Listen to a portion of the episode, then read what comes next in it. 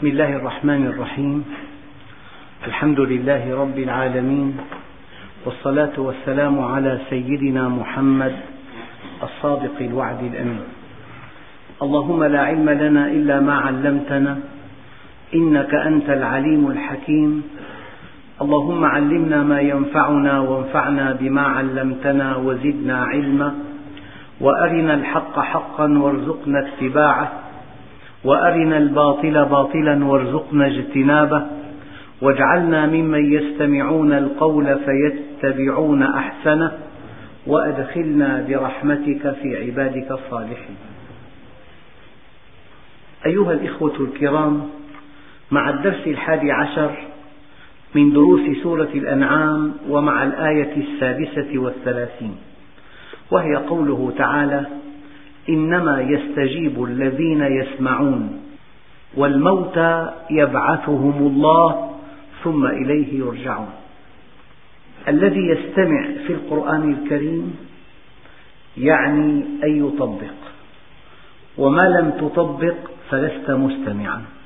إن تتوبا إلى الله فقد صغت قلوبكما علامة إصغائكما إلى الله التوبة. يعني ما لم تتحرك ما لم تتخذ موقفا ما لم تستجب ما لم تصل ما لم تقطع ما لم تعطي ما لم تمنع ما لم تغضب ما لم ترضى ما لم تتخذ موقفا من سماعك للحق فكأنك لم تسمع الحق إنما يستجيب الذين يسمعون أي إنما علامة استجابة الذين يسمعون أنهم يستجيبون. إنما علامة سماع الذين هم يسمعون أن يستجيبوا للحق. أيها الإخوة لا يمكن أن تقول لإنسان على كتفك عقرب شائلة ويبقى هادئا مرتاحا مبتسما ويلتفت إليك ويقول لك أشكرك على هذه الملاحظة. وأسأل الله أن يمكنني أن أكافئك عليها. حتما لم يسمع ما قلت له ولو سمع ما قلت له لما تكلم ولا كلمة بل ارتعدت فرائصه وخلع معطفه ليبعد العقرب عنه. أليس كذلك؟ مستحيل أن تدرك ولا تنفعل. مستحيل أن تنفعل ولا تتصرف. مستحيل أن تنفعل ولا تتحرك. الله عز وجل يصف الذين يدعون السماع ولا يطبقون بأنهم لا يسمعون. لكن أيها الإخوة فرق كبير بين يستجيب وبين يجيب. قد تسأل أحدا مبلغا من المال فإذا قال لك لا لقد أجابك لكن أجابك بالنفي أجابك بالسلب أجابك بغير مرادك. أما حينما تسأل أحدا مالا ويستجيب لك أي يعطيك المال. فالاستجابة شيء والإجابة شيء آخر. الإجابة قد تكون سلبا أو إيجابا لكن الاستجابة لا تكون إلا إيجابا. فلذلك يا أيها الذين آمنوا استجيبوا لله وللرسول إذا دعاكم لما يحييكم. فالاستجابة تكون بالإيجاب.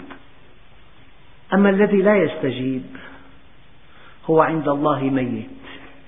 الدليل إنما يستجيب الذين يسمعون والموتى. يعني والذين لا يستجيبون لأنهم لم يسمعوا حقيقة هم عند الله موتى. وليس من مات فاستراح بميت إنما الميت ميت الأحياء. وقد قال الله عن هؤلاء الشاردين أموات غير أحياء. وقال عنهم أيضا وما أنت بمسمع من في القبور. فالخطورة أن يموت قلب الإنسان أن يكون قلبه مغلفا. أن يكون سمعه فيه وقر. أن يكون القرآن عليه عمى هذه حالة مرضية خطيرة مهلكة. إنما يستجيب الذين يسمعون والموتى يبعثهم الله ثم إليه يرجعون.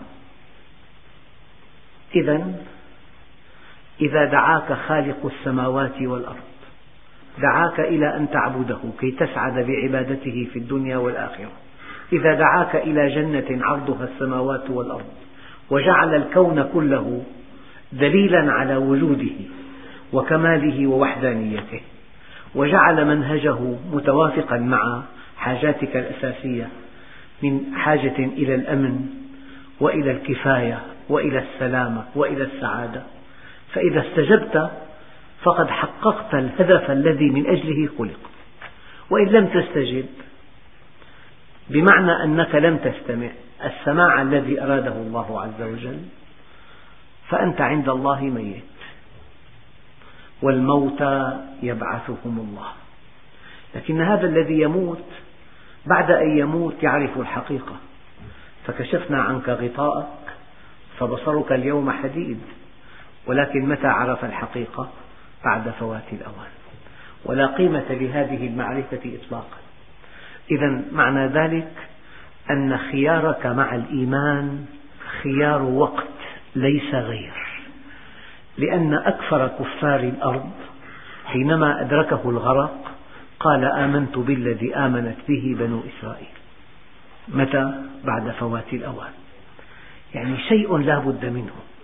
إما أن يكون وأنت في ريعان شبابك اغتنم خمسا قبل خمس شبابك قبل هرمك وصحتك قبل سقمك وفراغك قبل شغلك وحياتك قبل موتك. فإما أن تؤمن في الوقت المناسب أو أن يكون الإيمان لا جدوى منه لأنه جاء بعد فوات الأوان إنما يستجيب الذين يسمعون والموتى يبعثهم الله ثم إليه يرجعون. إن إلينا إيابهم ثم إن علينا حسابهم. فوربك لنسألنهم أجمعين عما كانوا يعملون. لن تجد على وجه الأرض إنسانا أغبى من الذي لا يدخل المسؤولية يوم القيامة في حساباته. هذا أحمق أهل الأرض الذي يوقع الأذى في بني البشر ويظن أنه سينجو من عقاب الله. ولا تحسبن الله غافلا عما يعمل الظالمون إنما يؤخرهم ليوم تشخص فيه الأبصار. أنت في الدنيا حولك جمع غفير يؤيدونك بإشارة منك. هذا في الدنيا فقط. أما في الآخرة جئتمونا فرادا كما خلقناكم أول مرة. لا أحد معك. انظر الآن قد تعتدي دولة كبرى طاغية فكل من له مصلحة معها يؤيدها ويعينها على باطلها وعلى ظلمها وعلى عدوانها. بالأرض في تكتلات وقد يكون التكتل على باطل. هذا في الدنيا فقط. ولكن في الآخرة يأتي الإنسان ربه فردا. ليس له شيء إلا عمله الصالح. يا بني وقعت عين الأم على ولدها يوم القيامة. يا بني هل من حسنة منك؟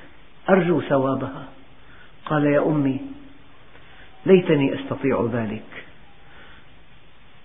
إنما أشكو مما أنت منه تشكين. قالت يا بني ألم يكن لك صدري سقاء وبطني وعاء وحجري وطاء؟ قال لها ليتني أستطيع ذلك.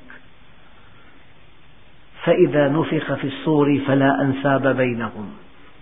انتهت كل علائق الأرض. لذلك أغبى أغبياء أهل الأرض هؤلاء الذين يبطشون ويقتلون ويهدمون ويظنون أنهم لن يحاسبوا إنما يستجيب الذين يسمعون والموتى يبعثهم الله ثم إليه يرجعون. وقالوا لولا نزل عليه آية من ربه لأنه بلغهم أن أنبياء الله السابقين جاءوا بمعجزات حسية فسيدنا إبراهيم ألقي في النار ولم يحترق. سيدنا موسى جعل عصاه ثعبانا مبينا وهكذا. وفاتهم أن هؤلاء الأنبياء إنما بعثوا إلى أقوامهم فحسب. لذلك كانت معجزاتهم حسية لأقوامهم فقط. فيؤمن بها من رآها ومن لم يرها قد يؤمن وقد لا يؤمن. لكن غاب عنهم أن النبي صلى الله عليه وسلم خاتم الأنبياء والمرسلين ولكل البشر أجمعين وأن كتابه آخر الكتب. لذلك لا بد من أن تتحد معجزته بمنهجه. واتحاد المعجزة بالمنهج هي أن في القرآن آيات كثيرة فيها إشارات تعد سبقا علميا. فكلما تقدم العلم كشف عن جانب من عظمة هذه الإشارات. وهذا دليل قطعي أبدي سرمدي مستمر على أن هذا القرآن كلام الله. لذلك غاب عنهم أن معجزة النبي صلى الله عليه وسلم أبلغ من أية معجزة إنها ليست كتألق عود السقام تتألق ثم تنطفئ فتصبح خبرا يصدقه من يصدقه أو يكذبه من يكذبه. إن معجزة النبي صلى الله عليه وسلم معجزة مستمرة. فكلما تقدم العلم كشف عن جانب كان غائبا عن الناس. يعني مثلا حينما يقول الله عز وجل إن الله لا يستحي أن يضرب مثلا ما بعوضة. بعوضة في كتاب الله في وحي السماء في منهج الله عز وجل. بعوضة. إن الله لا يستحي أن يضرب مثلا ما بعوضة. طيب ما قيمة هذا المخلوق الهين على الناس؟ وقد أشار النبي إلى ذلك. لو أن الدنيا تعدل عند الله جناح بعوضة ما سقى الكافر منها شربة. ماء بعوضة. بالبقرة. فلما اخترع المجهر الإلكتروني الذي يكبر أربعمئة ألف مرة. ووضعت البعوضة تحته. تبين أن في رأس البعوضة مئة عين. وفي فمها ثمانية وأربعون سنا. وفي صدرها ثلاثة قلوب. قلب مركزي وقلب لكل جناح. وفي كل قلب أذينان وبطينان ودسامان. ومع البعوضة أجهزة لا تملكها الطائرات. جهاز استقبال حراري. ترى الأشياء لا بأشكالها ولا بأحجامها ولا بألوانها ولكن بحرارتها. وحساسية هذا الجهاز واحد على ألف من الدرجة المئوية. ومع جهاز تحليل دم فما كل دم يناسبها. ينام أخوان على سرير واحد. يستيقظ الأول وقد ملئ بلسع البعوض والثاني لم يصاب بشيء. مع جهاز تحليل للدم ولكي يسلك الدم في خرطومها الدقيق لا بد من أن يتميع مع جهاز تمييع دم. ولئلا تقتل أثناء امتصاص الدم مع جهاز تخدير. فمن جهاز استقبال حراري رادار إلى جهاز تحليل إلى جهاز تمييع إلى جهاز تخدير أما خرطومها لما وضع تحت المجهر الإلكتروني تبين أن له ست سكاكين أربع سكاكين لإحداث جرح مربع وسكينان تلتئمان على شكل أنبوب لامتصاص الدم.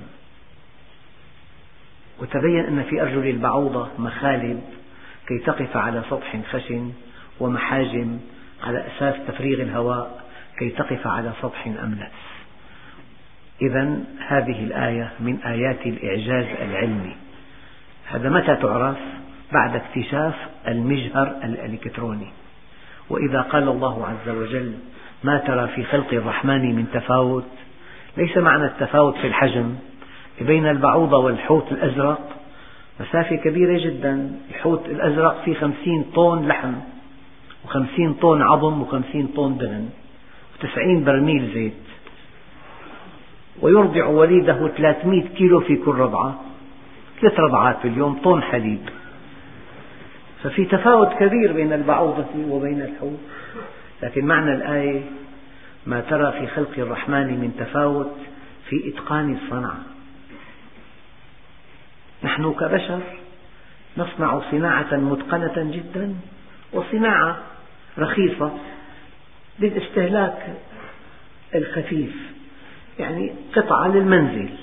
أما قطعة صناعية من مواد أولية عالية جدا. لكن الله سبحانه وتعالى يقول ما ترى في خلق الرحمن من تفاوت. إذا قضية أن تأتي النبي آية آه، حسية. هذه قضية متعلقة بالأنبياء السابقين الذين جاءوا لأقوام محدودين والمعجزة لهؤلاء فقط. أما أن يأتي نبي لكل الأمم والشعوب ولآخر الزمان وكتابه آخر الكتب فلا بد من تلازم بين المعجزة وبين المنهج. الإنجيل شيء وسيدنا عيسى أحيا الميت شيء آخر. التوراة شيء سيدنا موسى جعل البحر طريقا يبسا شيء آخر. أما النبي الكريم عليه أتم الصلاة والتسليم معجزته هي كتابه. المعجزة في القرآن الكريم. أيها الإخوة وقالوا لولا نزل عليه آية من ربه قل إن الله قادر على أن ينزل آية ولكن أكثرهم لا يعلمون. أراد الله العلاقة بين العباد وبينه علاقة حب وعلاقة ود وعلاقة اختيار وعلاقة طواعية وعلاقة مبادرة شخصية. ما أرادها علاقة قهر وسيطرة. ولو أراد الله أن يخضع الناس جميعا له لجعلهم أمة واحدة. إذا إن الله عز وجل قادر أن ينزل آية تجبر الناس على الإيمان ولكن أكثر الناس لا يعلمون أن هذا الإيمان القسري لا يسعد صاحبه. يعني تماما لو أن رئيس جامعة أراد أن ينجح كل الطلاب. قضية سهلة جدا. يوزع أوراق الامتحان مطبوع عليها الإجابة التامة والعلامة مئة من مئة بس يكلف الطالب كتابة اسمه. بس هذه الدكتوراه لا تساوي شيئا. لا عند رئاسة الجامعة ولا عند المجتمع ولا عند صاحبها. لا قيمة لها إطلاقا. فأن تقول أنه ألا يستطيع رئيس الجامعة أن ينجح جميع الطلاب بلى ولكن هذا النجاح لا قيمة له إطلاقا. هذا معنى قوله تعالى وقالوا لولا نزل عليه آية من ربه. قل إن الله قادر على أن ينزل آية ولكن أكثرهم لا يعلمون. ثم يقول الله عز وجل وما من دابة في الأرض ولا طائر يطير بجناحيه إلا أمم أمثالكم. ما فرطنا في الكتاب من شيء ثم إلى ربهم يحشرون. أيها الإخوة الكرام أريد أن أشرح لكم هذه الآية من خلال بحث علمي عن مجتمع النمل. فالنملة حشرة اجتماعية راقية موجودة في كل مكان وفي كل وقت وزمان بل إن أنواع النمل تزيد عن تسعة آلاف نوع. وبعض النمل يحيا حياة مستقرة في مساكن محكمة. هذا المجتمع المدني للنمل. وبعض النمل يحيا حياة الترحال كالبدو تماما. هذا مجتمع البدو عند النمل. وبعضهم يكسب رزقه بجده وسعيه المجتمع الحضاري. وبعضهم يكسب رزقه بالعدوان والسيطرة. أرهابي هذا. والنمل حشرة ذات طبع اجتماعي. فإذا عزلت عن أخواتها ماتت. ولو تهيأ لها غذاء جيد ومكان جيد. وظروف جيدة فهي كالإنسان. إذا عزلته في مكان بعيد عن الضوء والصوت والساعة والزمن والليل والنهار عشرين يوما فقد توازنه. اختل عقله تعلم النملة الإنسان درسا بليغا في التعاون. فإذا التقت نملة جائعة بأخرى شبعة. تعطي النملة الشبعة الجائعة خلاصات غذائية من جسمها. ففي جهازها الهضمي جهاز ضخ تطعم به غيرها من جياع النمل ومع جهاز مص لتأكل. الإنسان مص فقط لا يضخ شيئا. لذلك قال عليه الصلاة والسلام ليس المؤمن الذي يبيت شبعان وجاره جائع. أيها الإخوة لقد رصد العلماء طرق معيشة النمل وأدهشهم عملها الجاد الدؤوب في تحصيل أرزاقها والتعاون وتوزيع الوظائف فيما بينها بكل دقة وجدية. فللنمل ملكة كبيرة الحجم مهمتها وضع البيض وإعطاء التوجيهات ولها مكان آمن في مساكن النمل يعني إلى قصر وهي على اتصال دائم بكل أفراد المملكة. والإناث العاملات لها مهمات متنوعة. من هذه المهمات تربية الصغار وهذا يشبه عندنا قطاع التعليم. وفي النمل عساكر لها حجم أكبر ولها رأس صلب كأن عليه خوذة. وهذا يشبه قطاع الجيش في حراسة المملكة وحفظ الأمن ورد العدوان. ومن مهمات العاملات تنظيف المساكن والممرات وهذا يشبه قطاع البلديات. ومن مهمات العاملات سحب جثث الموتى من المساكن ودفنها في الأرض وهذا يشبه مكاتب دفن الموتى. ومن مهمات العاملات جلب الغذاء من خارج المملكة وهذا يشبه قطاع المستوردين. ومن مهمات العاملات زرع الفطريات وهذا يشبه قطاع الزراعة. من مهمات العاملات تربية حشرات تعيش النمل على رحيقها وهذا يشبه قطاع مربي الماشية. إن للنمل نظاما دقيقا في معاشه فله قائد يوجهه ويأمره وله مساكن يعيش فيها وهذه المساكن مقسمة إلى غرف معيشة ومستودعات لتخزين المؤن ولها دهاليز معقدة عليها حراسة مشددة على مدار الساعة ويجتمع في تلك المساكن قرى كاملة كأنها مستعمرات تصل بينها طرق ومسالك. حيث تهتدي بها إلى سطح الأرض. يعمل النمل في قراه بموجب انضباط مدهش وصارم للغاية وبإشراف النمل الذي كبرت رؤوسه وعظمت خراطيمه. دققوا الآن. التفسير لقوله تعالى إلا أمم أمثالكم. يبني النمل المدن ويشق الطرقات ويحفر الأنفاق. ويخزن الطعام في مخازن وصوامع. وبعض أنواع النمل يقيم الحدائق ويزرع النباتات. وبعض أنواعه يشن حروبا على قبائل أخرى. هي تعرفوها من أجل الحرية طبعا. قال الله عز وجل وما من دابة في الأرض ولا طائر يطير بجناحيه إلا أمم أمثالكم. ما فرطنا في الكتاب من شيء ثم إلى ربهم يحشرون. هناك نوع من النمل يبني بيوته فوق الأرض من أوراق الأشجار وأغصانها ويكثر هذا تحت شجر الصنوبر أو ينحت هذه البيوت في الأشجار العتيقة كما يتخذ الإنسان من الجبال بيوتا ومع أن النمل لا يملك الآلات والعدد فإنه يبني أبراجا في غاية الدقة والإحكام مستعينا بمقص فمه الحاد. حيث يمضغ ما يقصه حتى يصبح كالعجين ولعل ما بناه قدماء المصريين في مساكنهم وأهراماتهم كان تقليدا للنمل. يبقى صغار النمل في الديار تحفر الحجرات تحفر هذه الصغار الحجرات وتبني السراديب وتنمو وهي فيها بالإضافة إلى وجود المربيات. وبعض النمل مسؤول عن الحراسة والتنظيف وحفظ وترتيب المؤن التي يحضرها النمل العامل وهو يأبى كل الإباء أن يطلع أحد على أسراره أو أن يتطفل عليه لمعرفة نظامه العجيب في الحياة. وقد وجد العلماء أن النمل حين يغادر قريته يرسل في كل مسافة معينة مادة كيميائية لها رائحة حتى يستطيع التعرف إلى طريق عودته.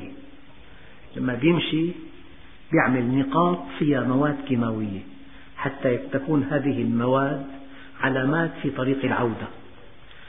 وأنه عندما قام أحدهم بإزالة آثار هذه المادة لم يستطع النمل الاهتداء إلى طريق عودته. وإذا رأت النملة شيئا مفيدا لا تقوى على حمله. نشرت حوله بعض الرائحة وأخذت منه قدرا يسيرا وكرت راجعة إلى أخواتها وكلما رأت واحدة منهن أعطتها شيئا مما معها كي تدلها على مكان هذه الوجبة الدسمة. حتى يجتمع على ذلك الشيء جماعات منها يحملونه ويجرونه بجهد وعناء متعاونين على نقله علما بأن للنمل قوى عضلية بالنسبة إلى حجمه تجري بقوة أعظم المصارعين والرياضيين. كما وجد العلماء أن النمل دققوا الآن ينشر عند موته رائحة خاصة تنبه بقية الأفراد على ضرورة الإسراع بدفنه. لما النملة بتموت قبل أن تموت ترسل إشارة ورسالة أن تعالوا ادفنوني.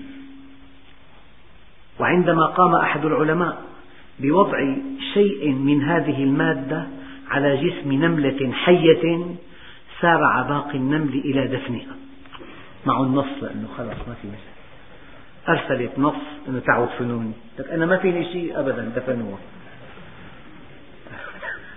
والنمل من الحيوانات والحشرات القليلة التي أودع الله فيها غريزة ادخار الغذاء. فهو يحتفظ بالحبوب في مسكنه الرطب الدافئ تحت الأرض دون أن يصيبها تلف. ويتفنن النمل في طرق الادخار بحسب أنواعه فهو يقطع حبة القمح نصفين حتى ما تنبت. ويقشر البقول لئلا تنبت من جديد أو يتركها أسابيع في تهوية وحرارة معينة. نعم. ويسمح لها بعد ذلك بالإنبات. فتنمو. الموضوع أيها الإخوة موضوع دقيق جدا. الله عز وجل أثبت لها المعرفة. قال حتى إذا أتوا على وادي النمل قالت نملة يا أيها النمل ادخلوا مساكنكم لا يحطمنكم سليمان وجنوده وهم لا يشعرون.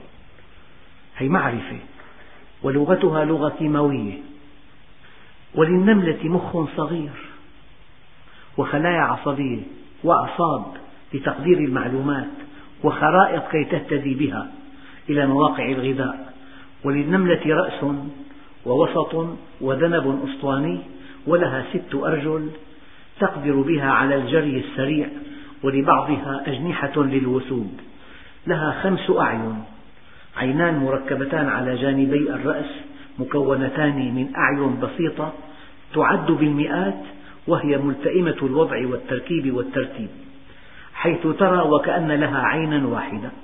والثلاث عيون الباقية موضوعة على هيئة مثلث يعلو العينين المركبتين وهي أعين بسيطة لا تركيب فيها. أيها الإخوة النملة تملك نوعا من التصرف العقلاني وهي من أذكى الحشرات وهي ترى بموجات ضوئية لا يراها الإنسان ولغة النمل كيماوية لها وظيفتان التواصل والإنذار.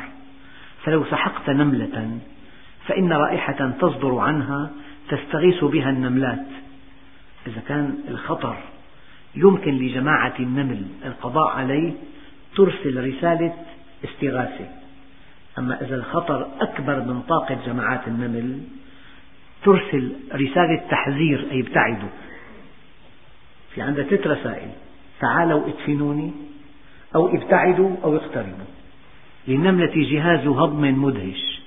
فيه فم ومري ومعدة وأمعاء وجهاز مص كما قلت قبل قليل وضخ. ويعرف النمل بعضه بغير علامة. والتوادد موجود بين أهل القرية الواحدة فقط. ما عدا ذلك فعداء مستحكم. حيث يمكن أن تنشب الحروب بين عدة قرى من النمل فتنتظم في صفوف قتالية وتحدث المعارك ويقع القتلى والجرحى ويتخذ النمل المنتصر الأسرى ليجعلهم خدما في قراه ويقوم بدفن موتاه في مقابر خاصة كما ينظف أرضه من جثث أعدائه حتى قيل إن النمل أقرب الحشرات إلى الإنسان في أفعاله.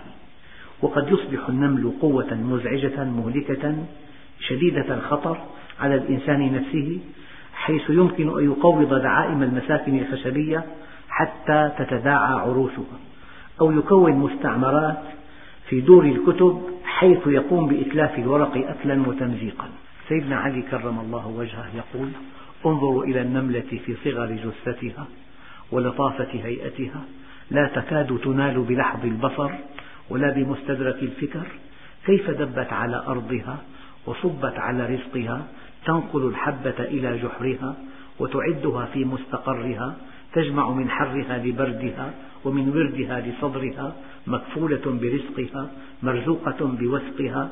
لا يغفلها المنان ولا يحرمها الديان.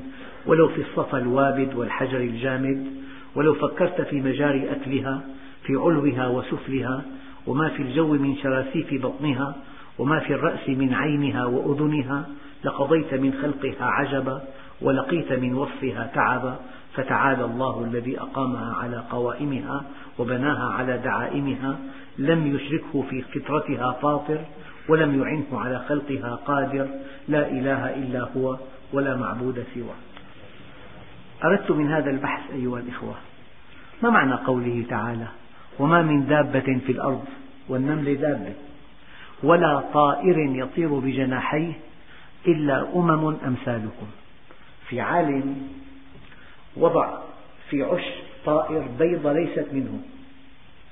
فلما فقست ورآها ليست منه قتل زوجته لأنها خانته. والغربان يأكلون أحيانا جوز الهند ولها غلاف خشبي قاسي جدا. يصعدون إلى أعالي السماء ويلقونها. تنكسر في الأرض. يكون حول هذه الجوزة مئات الغربان هناك عرف. هذه من حق من صعد إلى أعالي السماء وألقاها من هناك. ما في خطف ما في سرقة. طبعا هذه المعلومات أيها الإخوة مفادها أن هؤلاء المخلوقات وما من دابة في الأرض ولا طائر يطير بجناحيه إلا أمم أمثالكم ما فرطنا في الكتاب من شيء ثم إلى ربهم يحشرون.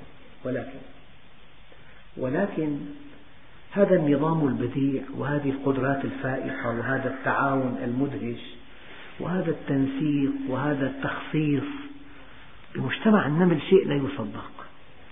لكن هذا كله بأمر تكويني أما الإنسان إذا صدق وأتقن عمله هذا بأمر تكليفي.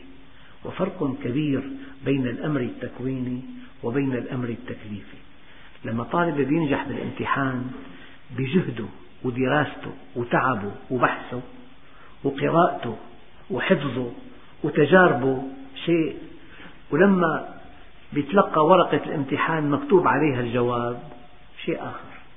فهذا النظام البديع وهذه الدقة وهذا التنسيق بالوظائف وهذا القيام بالواجبات على أعلى درجة هذا بأمر تكويني. أما الإنسان حينما ينشئ مجتمع راقي في أمانة وصدق وعفاف هذا إنسان مكلف ويستحق الجنة على هذا الالتزام. فرق كبير بين انضباط الإنسان إذا انضبط بأمر تكليفي أو بين انضباط الحيوان بأمر تكويني. يعني ما في أجر عند الحيوان غير مكلف أما الإنسان مكلف. والحمد لله رب العالمين. بسم الله الرحمن الرحيم. الحمد لله رب العالمين. والصلاة والسلام على سيدنا محمد الصادق الوعد الأمين. اللهم أعطنا ولا تحرمنا أكرمنا ولا تهنا آثرنا ولا تؤثر علينا أرضنا وارض عنا. وصلى الله على سيدنا محمد النبي الأمي وعلى آله وصحبه وسلم. والحمد لله رب العالمين. الفاتحة